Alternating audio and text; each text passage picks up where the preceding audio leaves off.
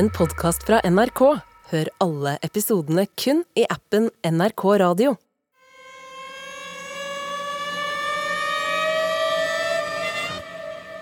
Paris, mars 1899. Paret er akkurat ferdig med middagen og springer ut i gangen og tar på seg frakk og hatt. De går med lette steg ut ytterdøra og videre ned på gata, der de blir møtt av et lett duskregn. Så tar de forventningsfullt hendene til hverandre. De veit nøyaktig hva de kommer til å få se, men skyndte seg likevel for å komme fortere fram. Så står de der, framfor den skeive døra til laboratoriet deres. Et gammelt skur med et tynt lag asfalt som gulv og et glasstak som lek. Og der inne står den sensasjonelle oppdagelsen deres, på rekke og rad i glassbeholdere på et slitt furubord. Det nyoppdaga grunnstoffet som kommer til å gjøre dette forskerparet verdensberømte. Fra alle sider kan de se de svakt lysende konturene av det som skal bli radiumsalt i beholderne. Det grønnaktige skjæret gjør at det ser ut som om de svever fritt rundt i mørket. Paret blir bergtatt av dette vakre synet her de står midt i sitt avgjørende vitenskapelige gjennombrudd. Marie Curie har gitt alt for denne oppdagelsen, og nå er verden på vei til å åpne seg for henne. På alvor. Dette er historien om Marie Curie. Et strålende vitenskapsgeni og en banebrytende forsker. En historie om fantastiske vitenskapelige oppdagelser av en kvinne som bruker hele livet sitt på søken etter kunnskap, men òg en fantastisk kjærlighetshistorie og en destruktiv sorg.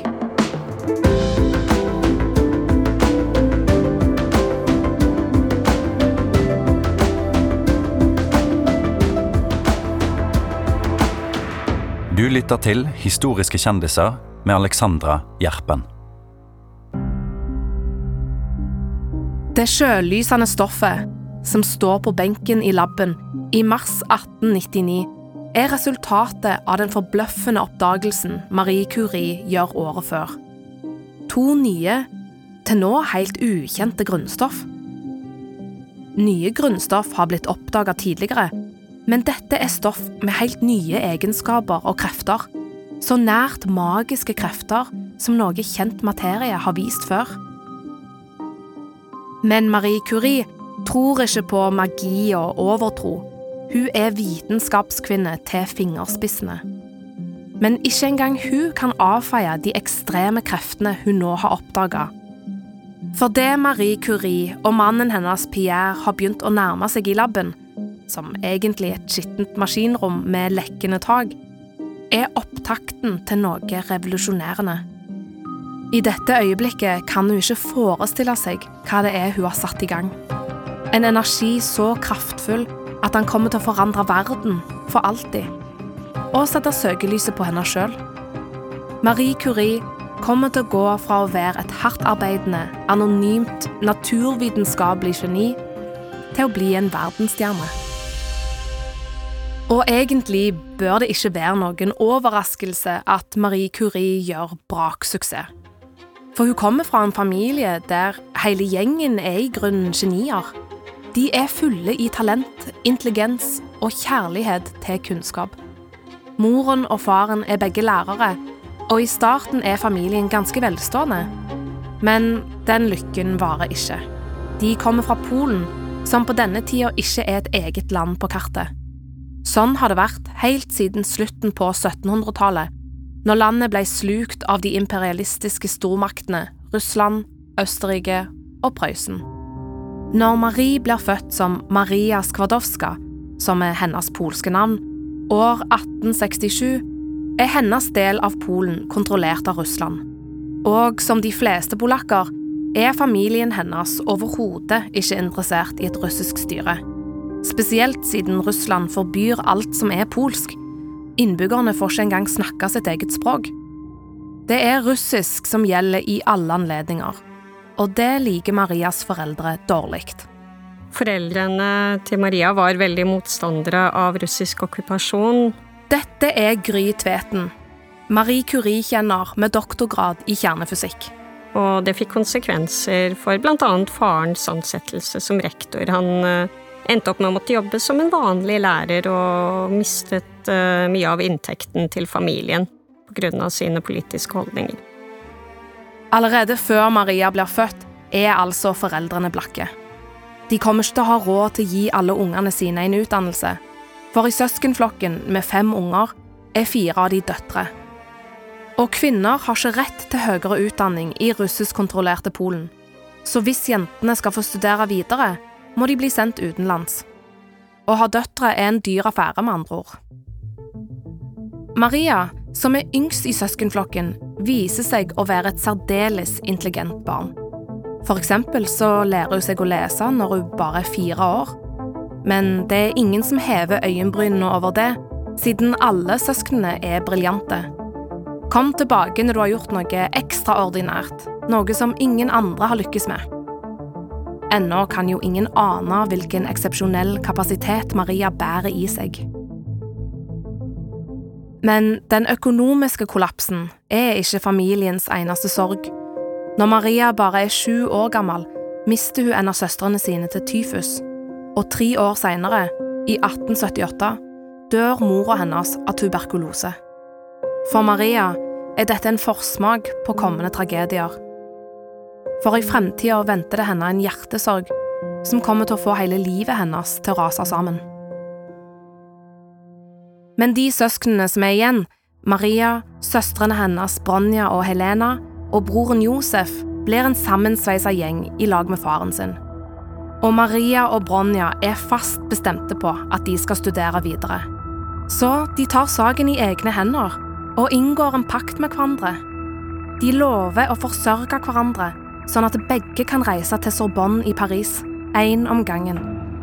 Storesøster Bronja er først ut.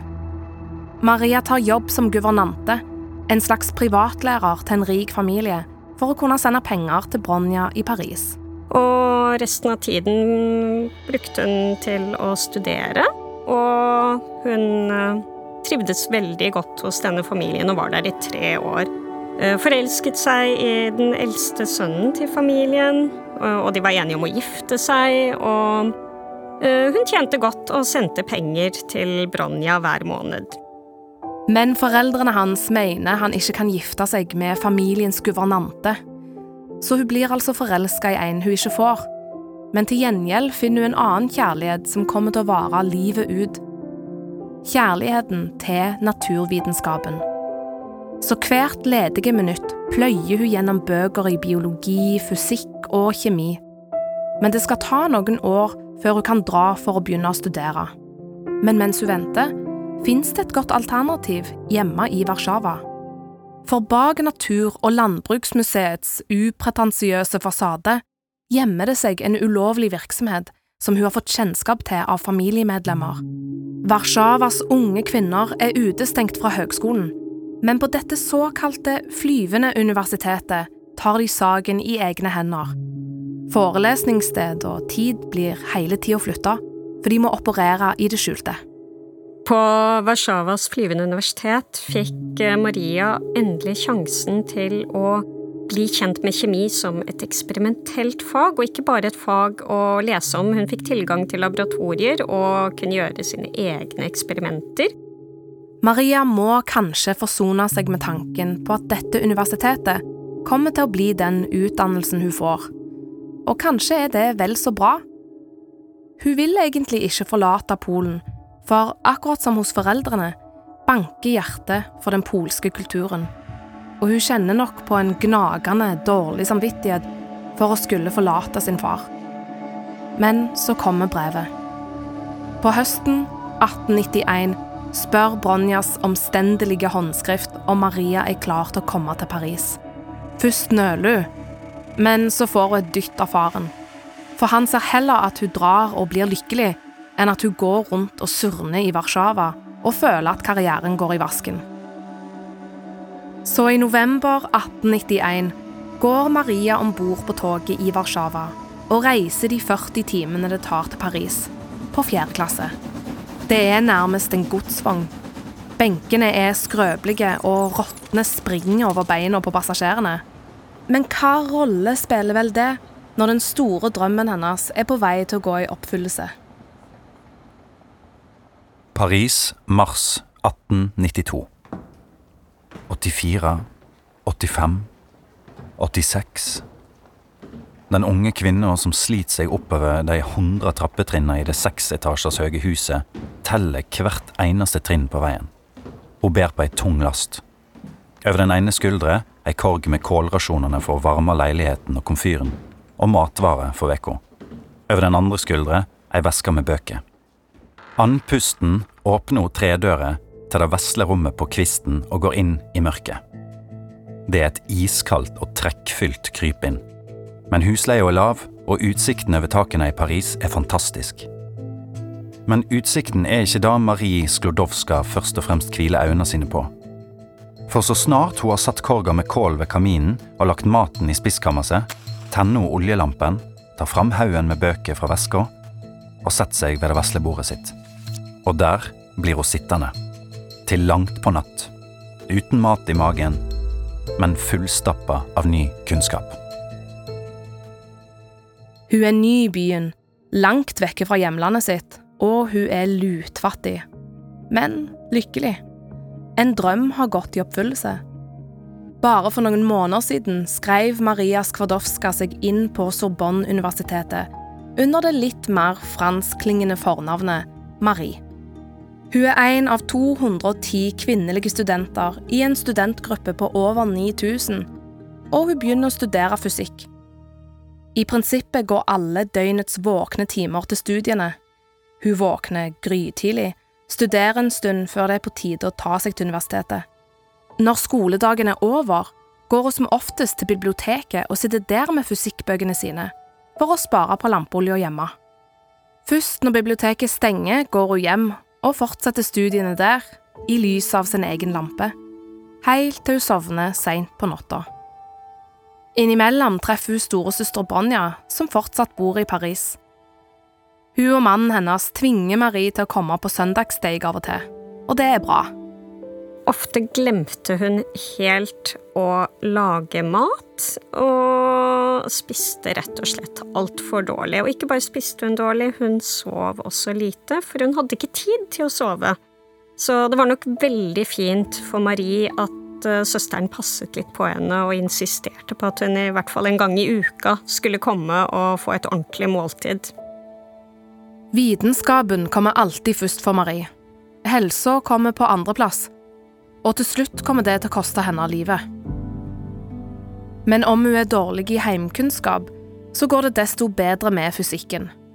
Etter omtrent ett og et halvt år tar Marie sin første eksamen i fysikk, og etter noen terminer til enda en eksamen, denne gangen i matematikk. Med disse godbitene i bagasjen skaffer hun seg et forskningsstipend og begynner å jobbe i et laboratorium. Og nå kommer mannen i hennes liv inn i bildet.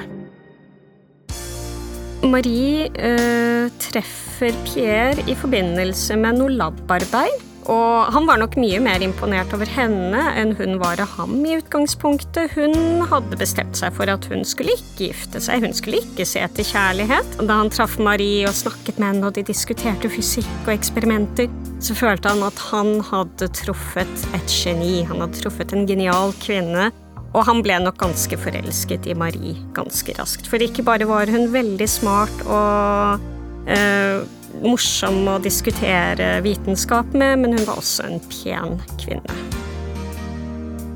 De innser tydeligvis kjapt at de to er som skapt for hverandre. Og ikke bare på det romantiske plan.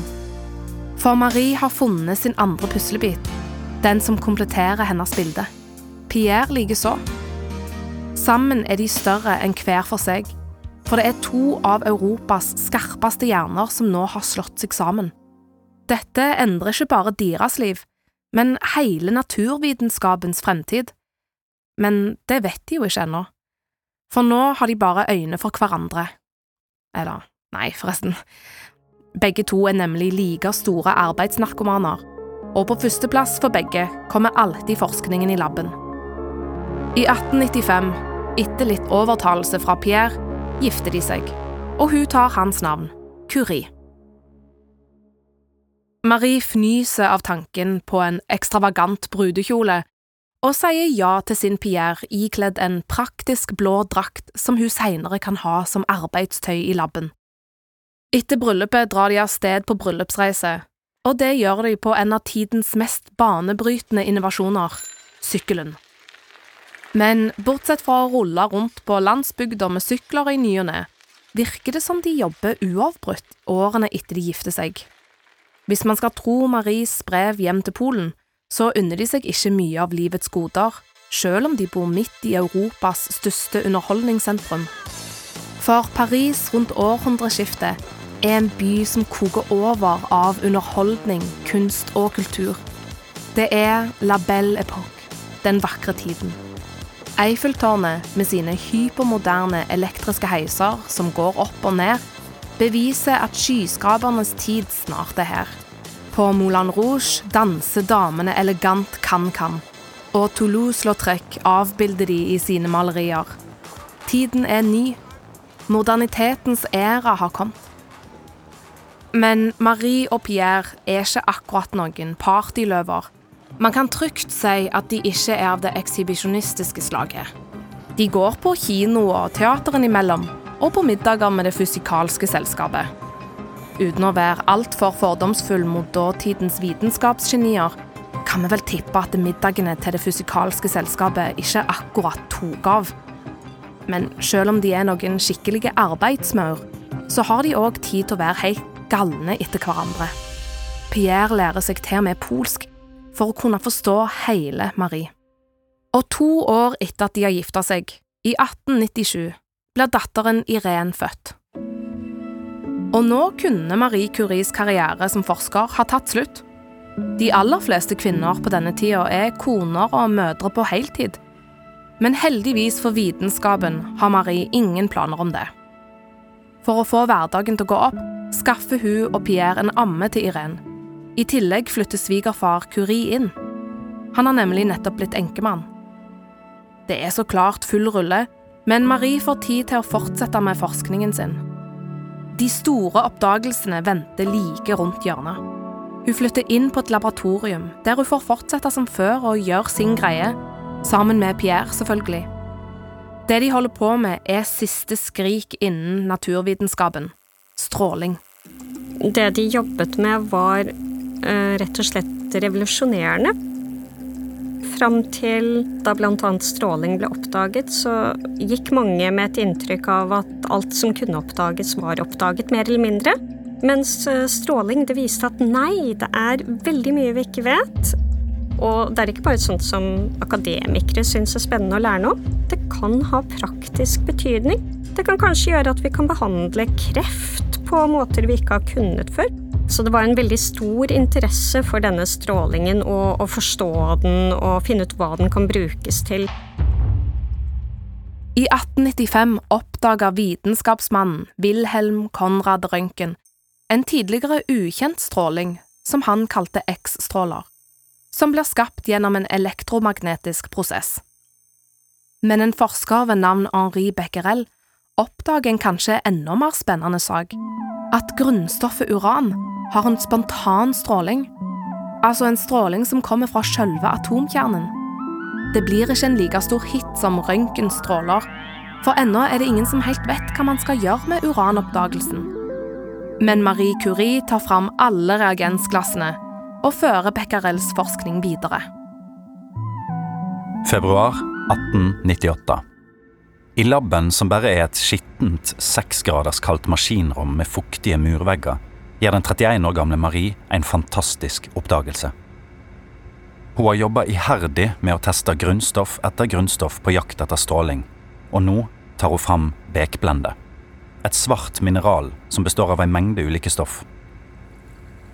Marie setter prøven i kondenseringskammeret og gjør en revolusjonerende oppdagelse.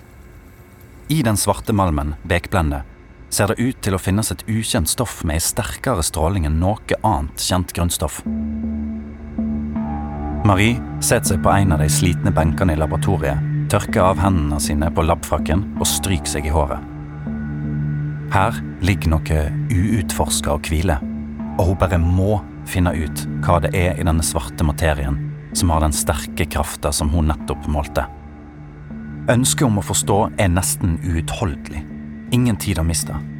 Bestemt reiser hun seg, retter på frakken og tar med sine bare hender fram flere prøver av den kraftige, strålende malmen. Laben er nok ikke Arbeidstilsynets våte drøm, men arbeidsmiljø er ikke noe Marie Curie bryr seg sånn nevneverdig om. For hun begynner å nærme seg det store gjennombruddet. Uran er ikke det eneste stoffet som har egen stråling. Det må være noe annet i malmen, i bekblendet, som stråler mye sterkere enn uranet. Et nytt, ukjent stoff. De forstår at de er på spor av noe stort, men de kan ikke ane omfanget av hva det er de er på vei til å oppdage.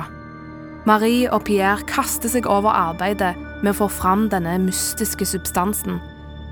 Maries motivasjon er enorm. Jeg ble grepet av et lidelsesfullt begjær for å få hypotesen min bekrefta så fort som mulig. Og undersøkelsene viser at bekblendet ikke inneholder én substans som hittil har vært ukjent for verden, men to. Etter møysommelig arbeid lykkes de å utvinne den første. Et grunnstoff som får nummer 84 i det periodiske system, og får navnet polonium. Og de skaper et begrep for denne typen grunnstoff, som har en egen stråling fra atomkjernen. Radioaktive. Radio spiller på det latinske ordet for stråling. Aktiv fordi det er en stråling som skjer av seg sjøl. Så oppdaget de først et nytt uh, grunnstoff som de valgte å gi navnet polonium. Og det var jo på grunn av Maries kjærlighet til hjemlandet, og det var, en, uh, det var nok et lite politisk budskap der til Russland. Polen finnes. Vi er ikke russiske, vi er polske. Men så skjønte de at det måtte være noe annet der òg, som kanskje var enda mer radioaktivt. Den andre substansen er vanskeligere å få tak på, men de gir ikke opp. De fortsetter å prøve seg fram. Og arbeidet går ikke forbi i stillhet. De publiserer forskningsresultatene sine, og i juli 1898 får Marie en pris av det franske vitenskapsakademiet. At de gir prisen til en kvinne, får vi se på som et fremskritt for likestillingen, men de greier visst ikke å gi henne beskjeden personlig. I stedet skriver de store vitenskapsmennene i akademiet til Pierre Curie og forteller han at Marie har fått prisen. Jeg ber om å få gi mine hjerteligste gratulasjoner og bry deg med å overrekke mine respektfulle hilsener til de hustru. At hun er en fullstendig minoritet i en mannsverden, er nok noe Marie er veldig klar over. Hvis ikke, så kommer hun i alle fall til å bli det snart. Seint i desember 1898 får ekteparet Curie en fantastisk julepresang. For den 20. desember skriver Pierre ned et ord med tjukt blekk på et papir i labben. Endelig har de funnet den gåtefulle substansen, og kan konstatere at det må være et nytt grunnstoff.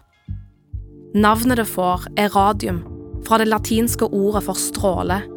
Med iherdig innsats lykkes Marie å få frem stoffet i en renere form. Arbeidet for å få fram litt radium var veldig hardt arbeid. Det var jo mange, mange, mange kilo med materiale hun måtte behandle for at eh, hun skulle få bitte, bitte, bitte, bitte, bitte lite grann radium eh, å vise fram. Eh, og det var arbeid som tok veldig lang tid. De kjenner en enorm glede over sine nye metaller, som Marie kaller de i brev hjem til Polen. For radium er virkelig et fortryllende grunnstoff. Det er ikke bare nyoppdaga, men òg sjølysende. Marie og Pierre er voldsomt fascinert av hvor vakkert det er. Så fascinert at de av og til går tilbake til laben på kvelden etter middagen for å se på skjønnheten. De var veldig stolte over oppdagelsen, og de var veldig opptatt av at en slik oppdagelse, det var ikke bare deres personlige, selv om de var veldig stolte over den, men det var noe de ville dele med verden, og at det var noe de hadde veldig sterk tro på at kunne komme hele menneskeheten til gode. Disse sensasjonelle oppdagelsene går ikke ubemerka hen i forskerverden. Tvert imot, det er en stor oppstandelse over resultatene deres. Og Vitenskapsakademiet i Frankrike gjør som alle andre land i verden. velger ut sine skarpeste hjerner som de nominerer til Nobelprisen. I 1903 nominerer de Marie og Pierre Curie og Henri Becquerel til Nobelprisen i fysikk for sin forskning på radioaktivitet. Men nei, det er jo nettopp det. Det gjør de faktisk ikke i det hele tatt. De utelater jo Marie helt og holdent fra nominasjonen til prisen. Men Pierre støtter partneren sin, tar pennen fatt og skriver til Det kongelige vitenskapsakademiet i Sverige, som deler ut nobelprisen. Hvis det er sant at det på alvor vurderer meg til denne prisen, så er det mitt høyeste ønske at det vurderer meg og Madame Curie i fellesskap for vår forskning på radioaktivt materiale. Og hadde det ikke vært for Pierres protester og en viss Gösta Mittagleffler, medlem av det svenske vitenskapsakademiet, som òg protesterer mot at hun blir utelatt, hadde Marie blitt snytt for prisen og blitt degradert til sin manns assistent, som så mange andre vitenskapskvinner opp gjennom årene. Men Marie Curie havner ikke i den gruppa, og sammen får hun og Pierre altså Nobelprisen. Den er ennå ikke så prestisjefullt som den kommer til å bli seinere i historien, men den innebærer allikevel en ære og et reelt tilskudd i kassen. Men de kommer ikke til Stockholm og henter prisen. Marie og Pierre var veldig slitne på den tiden. De hadde litt helseplager, de var overarbeidede, og de følte rett og slett at de ikke hadde råd og tid til å, til å dra til Stockholm, fordi den gangen så var jo en reise fra Paris til Stockholm en lang reise som tok eh, mange dager, og det, de, de kunne ikke være borte fra laben mange dager. Det gikk ikke. Ingen vet helt hvorfor hun er i så elendig form, men folk antar det er fordi hun jobber for hardt og for mye. Dessuten er både hun og Pierre elendige til å ta vare på seg sjøl, spiser notorisk dårlig og sover altfor lite. Kanskje er det årsaken til den dårlige helsa deres. Men med det verden seinere kom til å finne ut om det radioaktive radiumet og dens fantastiske krefter, er det lett å tenke seg en annen forklaring til den sviktende helsen. For de jobber stort sett helt uten beskyttelsesutstyr i laben. Begge håndterer radiumet med sine bare hender. Kroppene deres utsettes stadig for stråling. Men ennå har de ikke klart for seg at deres elskede grunnstoff faktisk er en dødelig gift. Og det har ingen andre heller. Tvert imot. Både ekteparet Curie og deres sjølysende radium blir ikke bare rikskjendiser etter nobelprisen, men verdenskjendiser. Alle vil skrive om forskerne som har gitt verden denne vidunderlige gaven. Særlig Marie taklet veldig dårlig all oppmerksomheten. Alle ville ta bilder av dem, intervjue dem, skrive om dem. Alle ville ha en bit av ekteparet Curie. De ble øh, skikkelig kjendiser i en tid da det ikke var mange kjendiser. Og og jeg tror ikke naturvitenskapen har hatt så store kjendiser, verken før eller siden, som ekteparet Curie. Pressen elsker paret Curie. Marie beskrives i svulstige ordelag, og hennes polske opprinnelse viftes bort. Nå er hun en fransk kvinne. Deres vitenskapsgeni. Men Marie og Pierre ønsker bare å få lov til å jobbe videre i laben sin. Og alt de kommer fram til i laben, publiserer de. Så det tar ikke lang tid før driftige forretningsmenn begynner å utvinne radium og produsere en hel rekke med produkter. For radium blir sett på som et skikkelig mirakelstoff, som kan gjøre alt fra å gi hvitere tenner til å kurere kreft. Og snart kan folk kjøpe radiumtannkrem, radiumleppestift, radiumsåpe og til og med radiumvann til å drikke. Det settes opp ballettforestillinger der scenen er mørklagt, og danserne er kledd i svarte klær malt med sjølysende radiumflekker som eneste scenebelysning. Og på en klokkefabrikk i USA sitter unge kvinner og maler klokkevisere med radiumfarge, sånn at de skal lyse i mørket. Kort sagt, radium er en megahit som tar verden med storm. Ja, verden tok helt av eh, med tanke på radium Skrev du at noe inneholdt radium, eh, så var det med en gang populært og mye dyrere, og, eh, og det var helt, eh, helt sprøtt. Vi vet jo nå i dag du, bør absolutt ikke drikke vann med radium. Men, men, den gangen så trodde folk at det var mirakelkur. Noe som kunne hjelpe mot alt. For litt radium kan vel ikke gjøre noen skade? Radium er jo en gave til menneskeheten. Helsefremmende på alle vis. Vel, det finnes studier som viser at store mengder radium kan gi brannskader på huden. Blant annet skriver ekteparet Curie om dette. Et bevis på hvor kraftfullt stoffet er. Men varselsignalene når ikke helt fram, og det kommer til å få ødeleggende konsekvenser. Midt i alt dette, med vitenskapelige triumfer, berømthet, sykdom og nobelprisen, fortsetter livet. Pierre blir utnevnt til professor ved universitetet, og de får et mye bedre laboratorium å jobbe i. Og så får de et barn til. I desember 1904 blir Eve født, deres andre datter. Marie senker faktisk tempoet litt de kommende årene. Det tar på å både jobbe som en gal, ikke spise og sove skikkelig, langsomt forgiftes av radium, og dessuten være gravid og føde barn. Så nå tar hun det litt roligere.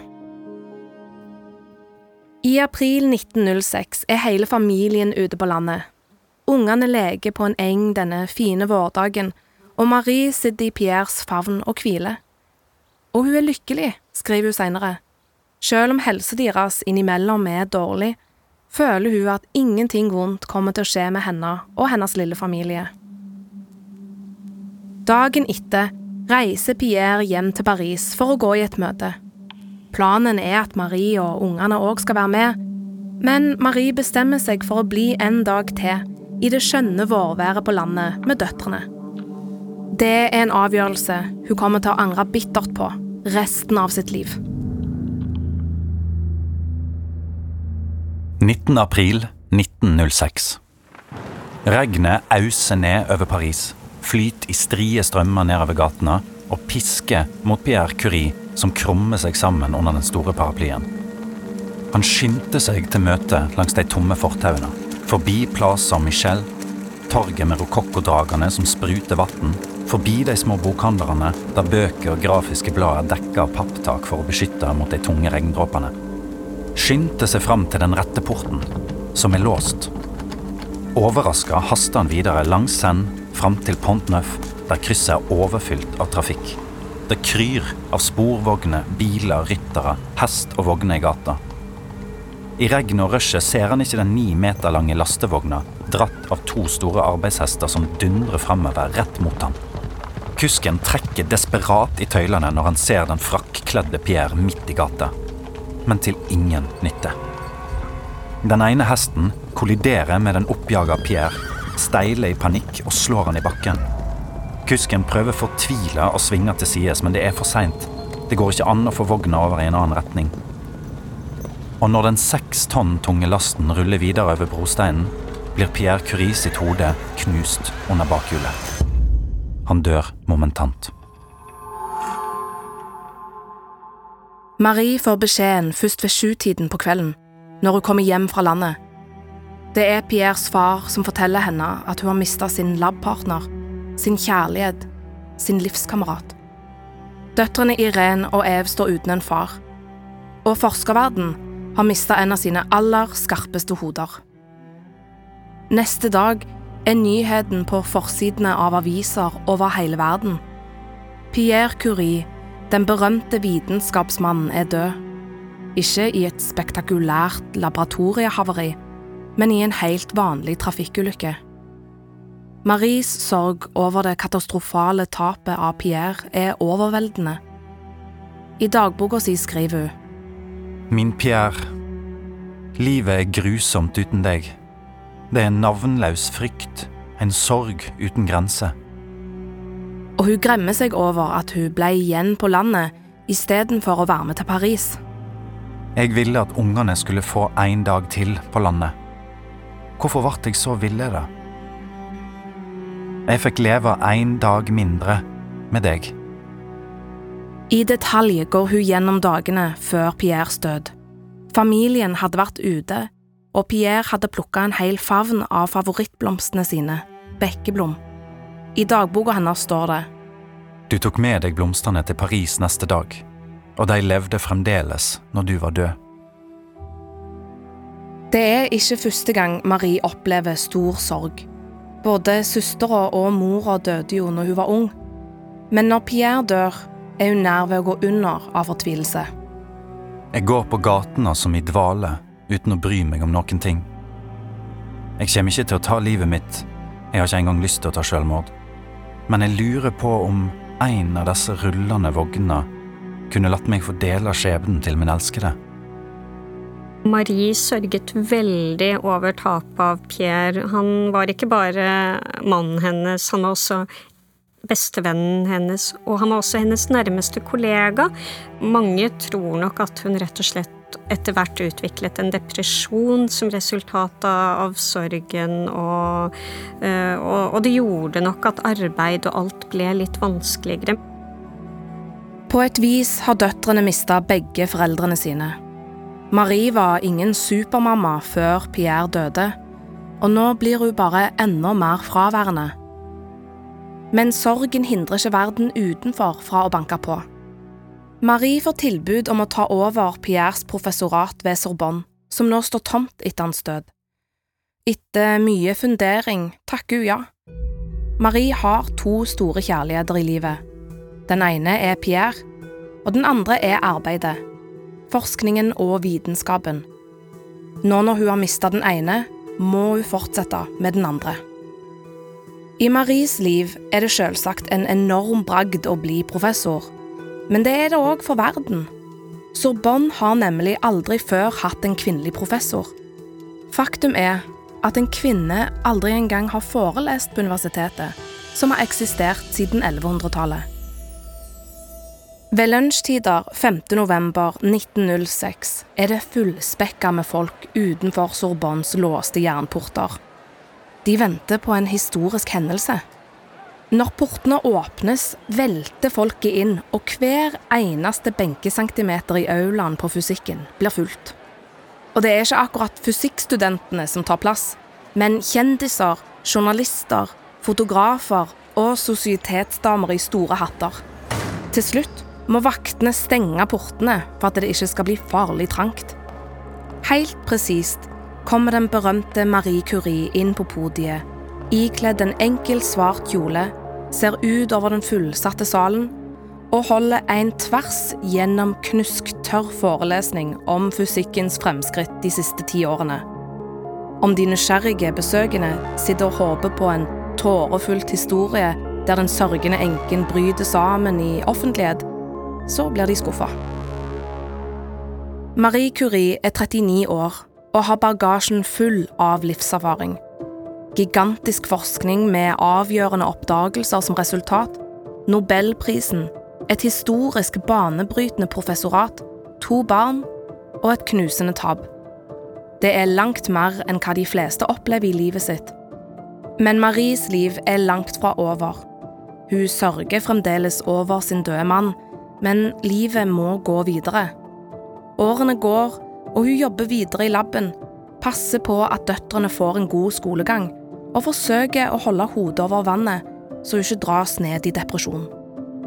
Arbeidet hennes fortsetter å gi enestående resultater, og sakte kommer hun tilbake til livet.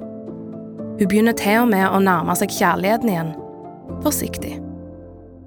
Paul Langevin var uh, doktorgradsstudenten til Pierre. Så antageligvis hadde Marie møtt ham allerede lenge før mannen døde.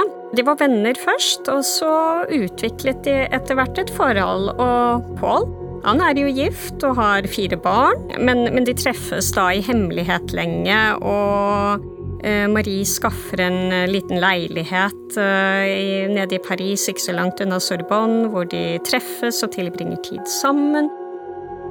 Og omtrent samtidig, i 1911, blir hun nominert til Nobelprisen igjen, denne gangen i kjemi, alene, for oppdagelsen av polonium og radium. Lykken er på vei til å snu. Men så eksploderer en bombe i den franske skandalepressen. Paris, november 1911. Overskriftene skriker ut budskapet sitt med store, svarte bokstaver på avisforsidene. På gatehjørne etter gatehjørne står avisguttene og roper ut de skandaløse nyhetene. Madame Curie, den verdensberømte forskeren, har en affære med kollegaen sin, den gifte Paul Langevin.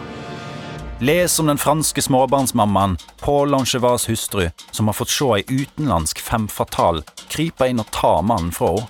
Tatt en far fra sine barn. I den kjølige novemberlufta strømmer lørdagskledde forbipasserende til aviskioskene for å lese hele den saftige historien. På kafeene blir det allerede sladra om sprengstoffet, kjærlighetsbrevene som avisa eller Journal skriver om. Det må jo garantert være ei heit brevveksling mellom Madame Curie og elskeren hennes Langevin. Spekulasjonene raser over kaffekoppene. At hun har mage til dette, den der polske dama.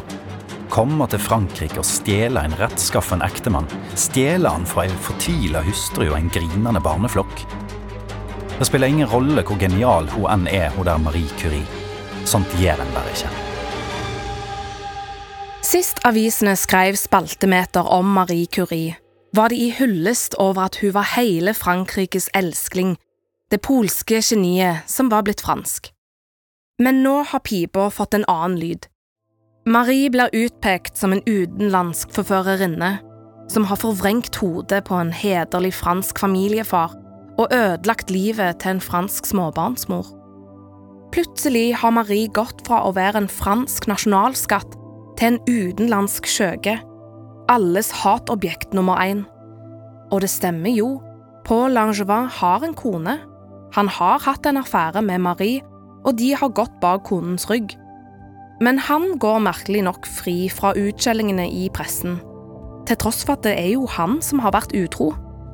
Hun får veldig mye oppmerksomhet, mens uh, Langevin han, uh, han, beskrives som et offer for denne forferdelige kvinnen som prøver å ødelegge.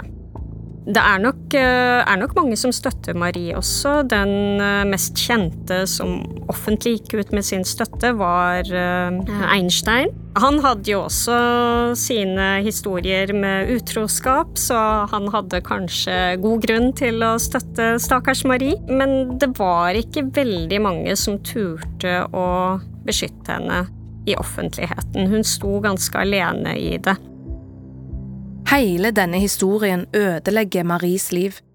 Hun blir tvunget til å forlate hjemmet sitt, som er beleiret av journalister og vandaler som kaster stein gjennom vinduene hennes og noen uker seinere får hun et brev fra det svenske vitenskapsakademiet, som ironisk nok, omtrent samtidig som skandalen ble sluppet løs i pressen, ga henne beskjed om at hun var blitt tildelt årets nobelpris i kjemi. I brevet står det at ja, ok, nå har de jo tildelt henne denne kjemiprisen, men det hadde vært fint om hun kunne holde seg så langt unna seremonien i Stockholm som overhodet mulig. De vil jo ikke skitne til de fancy Nobelselskapene med sexskandaler. Men Marie sender et svar til Sverige og gjør det krystallklart at hun ikke har tenkt å avstå fra prisen. Den handlinga det råder meg til, ville være en alvorlig feil fra min side. Prisen gjelder jo oppdagelsen av radium og polonium. Jeg mener at det ikke finnes noen sammenheng mellom mitt vitenskapelige arbeid og private saker som folk prøver å bruke imot meg. Jeg kan ikke akseptere prinsippet om at vurdering av vitenskapelig innsats skal påvirkes av baktaling og ondsinna sladder om privatlivet mitt. Så i desember reiser Marie til Stockholm for å ta imot prisen sin av kong Gustav 5., men ikke i lag med Paul Langevin. De gjør det slutt med hverandre. Hun tar med seg søster si Bronja og den 14 år gamle dattera Irene. Og skandalen ser snarere ut til å ha gjort henne mer sjølsikker. I sin nobelforelesning er hun tydelig på at det er hun og ingen andre som står bak fremstillingen av radium i sin rene, metalliske form. Men hun passer òg på å hylle sin avdøde ektemann og labpartner Pierre. Marie Curie har sprengt enda en barriere. Ikke nok med at hun er den eneste kvinnen som har fått to nobelpriser. Hun er òg den eneste personen som har fått nobelprisen i to vitenskapelige greiner. Men etter prisutdelingen er hun helt utslitt. Alt stresset med skandalen og hennes allerede skrantende helse har tatt knekken på henne. I slutten av desember 1911 bryter hun helt sammen og må kjøres med ambulanse til sykehuset med akutt nyrebekkenbetennelse. Hun kommer seg igjen, men det går sakte og både forskningen og undervisningen settes på pause en lang stund. Marie reiser til landsbygda i både Frankrike og utenlands for å hvile og få frisk luft. Hun går i de sveitsiske alper sammen med Albert Einstein og døtrene, og føler seg bedre. Steg for steg kan hun returnere til Paris og til jobben på heltid, som plutselig har fått en helt ny standard. For det blir bygd et laboratorium i hennes navn, et topp moderne forskningsinstitutt. Tiden i trekkfulle, falleferdige labber med lekkende tak er lengst forbi. I august 1914 står det splitter nye Radiuminstituttet klart i Paris. Men da rakner plutselig verden for resten av Europa. Lørdag 1. august er en strålende sommerdag i store deler av Frankrike. Men på ettermiddagen ved firetida ringer kirkeklokkene i hver eneste by. Landet mobiliserer styrkene sine, for etter at Frans Ferdinand og Sofia, det østerrikske kronprinsparet, blir skutt i Sarajevo tidligere på sommeren, har de diplomatiske strengene vibrert i hele Europa. I slutten av juli begynner krigserklæringene å hagle, og Frankrike står ikke utenfor denne karusellen. Før noen vet ordet av det, har krigen brutt ut i hele Europa, og alle stormaktene er involvert. Men pågangsmotet er stort. Soldater fra alle kanter drar ut i strid med store forhåpninger om å være hjemme igjen om bare noen uker. For nå lever man jo i den nye, moderne tiden. Seige, langdryge, smertefulle kriger er noe som hører fortida til. Togene som ruller ut fra stasjonene, fullpakka med soldater, er dekorert med blomster, og det blir sunget glade kampsanger av full hals. Ingen har noen anelse om hvilket helveteskap som er på vei til å åpne seg over hele kontinentet. Evakueringen av Paris skjer rekordraskt. Men Marie Curie vegrer seg for å forlate det nyåpna radiuminstituttet sitt. For hun deler ikke synet på at denne krigen kommer til å gå fort over, hun har via livet sitt til å fremstille ren radium, og det lille lageret hun har, ett gram, har hun tenkt å vokte godt. Det er faktisk Frankrikes eneste radiumreserve, og når myndighetene kommer på det, får Marie plutselig sitt første krigsoppdrag. Marie var veldig opptatt av at tyskere ikke, eller fienden, skulle ikke få tak i den dyrebare reserven av radium. Hun pakker det ned i en blykasse i en koffert og tar det med seg til Bordeaux, hvor hun får låst det vekk i sikkerhet. Og så drar hun tilbake til Paris fordi hun vil være med og gjøre en innsats i krigen. Hun er fransk, og hun vil være med å forsvare sitt land. For innsatsen hennes i krigen har bare begynt. Marie begynner å jobbe på et krigssykehus og her finner hun ut at det rett og slett er manko på røntgenutstyr, som jo er til uvurderlig hjelp når man eksempel skal behandle skuddskader og beinbrudd. I tillegg mangler det òg elektrisitet nesten overalt. Denne krigen, som alle innser ganske fort ikke kommer til å gå over på noen uker, kommer til å ta millioner av menneskeliv. Og da trengs det utstyr for å redde folk. Så Marie tar tak i problemet og skisserer opp en løsning i form av biler med portabelt røntgenutstyr og strømforsyning. Hun setter opp en bil og sjekker at den fungerer. Det gjør han. Så presenterer hun ideen sin for Røde Kors, som biter på. Og så settes prosjektet i gang. Et tjuetalls petit curis, små kurier som bilene kalles, blir utstyrt de franske krigslegene de syns jo det er helt genialt at de kan få tatt bilder av skadede soldater der og da. og finne ut hvordan de skal operere dem. Og så tenker hun at damene må vær så god bidra i krigen, de òg. Hun får rekruttert masse unge kvinner som hun lærer opp til å drive røntgenapparatene. Og datteren hennes, Irén, er òg en av lærerne, selv om hun bare er i 17-årsalderen. De er begge to ute i felt, kjører sjøl røntgenbilene og hjelper leger og teknikere. Begge to risikerer de sine liv for å redde andres. Men det er ikke ilden fra maskingeværene eller giftgassen som er den største trusselen deres, som de sjøl kanskje tror. Det farligste våpenet avfyrer de sjøl, når de gang på gang utsetter seg for røntgenstrålingen uten beskyttelsesutstyr. Røntgenstrålene redder liv, men de fører òg til en sakte død for den som får strålingen rett inn i kroppen, om og om igjen. Når den store krigen, som i ettertid vil bli kalt første verdenskrig, tar slutt med Versailles-freden, er det den største humanitære katastrofen i Europa siden svartedauden på 1300-tallet. Millioner av soldater har falt, men det antas at Marie sine røntgenbiler hjalp rundt én million skadde, som ellers kanskje ikke hadde overlevd. En enestående prestasjon som Madame Curie kan legge til i listen over bragder.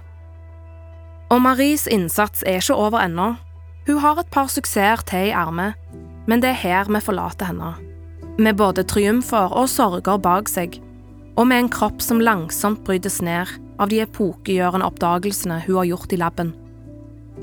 Marie visste kanskje ikke sjøl hvor farlig radioaktiv stråling var når hun oppdaget den, men det blir relativt snart klart for alle at radiummirakelet faktisk er en livsfarlig gift. En mann som har drukket enorme mengder radiumvann, mister bokstavelig talt haken. Kjeven hans løsner og faller av. Og de såkalte radiumjentene, de unge kvinnene som brukte leppene til å spisse malepenselen med radiumfarge for å male viserne på klokkene, blir én etter én berørt av lignende grusomheter. Forskere som har håndtert radiumet uten beskyttelsesklær, får svarte fingertupper og sår som aldri leges. Marie sjøl har jo alltid hatt sviktende helse, og dør til slutt av aplastisk anemi, en blodsykdom som antageligvis er forårsaka av stråleskader. Men verken radiumvann eller radiumfarge var Maries påfunn. Hennes forskning er avgjørende for fremtidens kunnskap om radioaktivitet, og kan ikke reduseres. Det kanskje aller viktigste med Pierre og Maries arbeid var at de bidro til at vi forstår radioaktivitet i dag. Og, og, arbeidet var utrolig viktig for vår grunnleggende forståelse av hvordan ting fungerer. Marie Curie etterlater seg en imponerende CV, fullspekka av ting hun var først med. Første kvinne til å ta eksamen i et naturvitenskapelig fag ved Sorbonne. Første kvinne som fikk nobelprisen. Eneste person som har fått nobelprisen i to naturvitenskapelige fag. Første kvinne som foreleser ved Sorbonne, og første kvinnelige professor. Og alt dette var resultatet av hardt arbeid. Hele sitt liv var hun en trofast tjener til vitenskapen. Men det er jo ikke bare gjennom sine uslåelige bragder at hun er unik. Hun ble òg anerkjent for dem. Ulikt mange andre kvinner som har måttet stå i skyggen av sine ektemenn og mannlige kollegaer, det sies jo at bak hver fremgangsrike mann står en kvinne, men i Marie og Pierre Curies tilfelle sto de ved siden av hverandre. For Pierre var det en selvfølge at Maries arbeid skulle løftes frem like mye som hans eget. Og både i hennes egen tid og for etterverden skinner Marie Curies stjerne så sterkt at selv de som er uinteressert i vitenskap, forbinder navnet hennes med lysende geni og storhet. Du har lytta til Historiske kjendiser av og med Alexandra Gjerpen, Preben Hodneland, Marte Rommetveit, Linn Helene Løken og Cecilia Dyringer. Lydlegging Peter Jonasson. Marie Curie kom sjøl fra en meget intelligent familie, smarte foreldre og søsken. Hvordan gikk det da med ungene hennes, Irén og Ev? døtrene til to av verdens mest briljante forskere. Begge døtrene til Pierre og Marie eh, var briljante selv. Yves var en briljant journalist og musiker, og Irén vant selv nobelpris for sitt arbeid eh, innen samme fagfelt som moren, så det gikk veldig bra.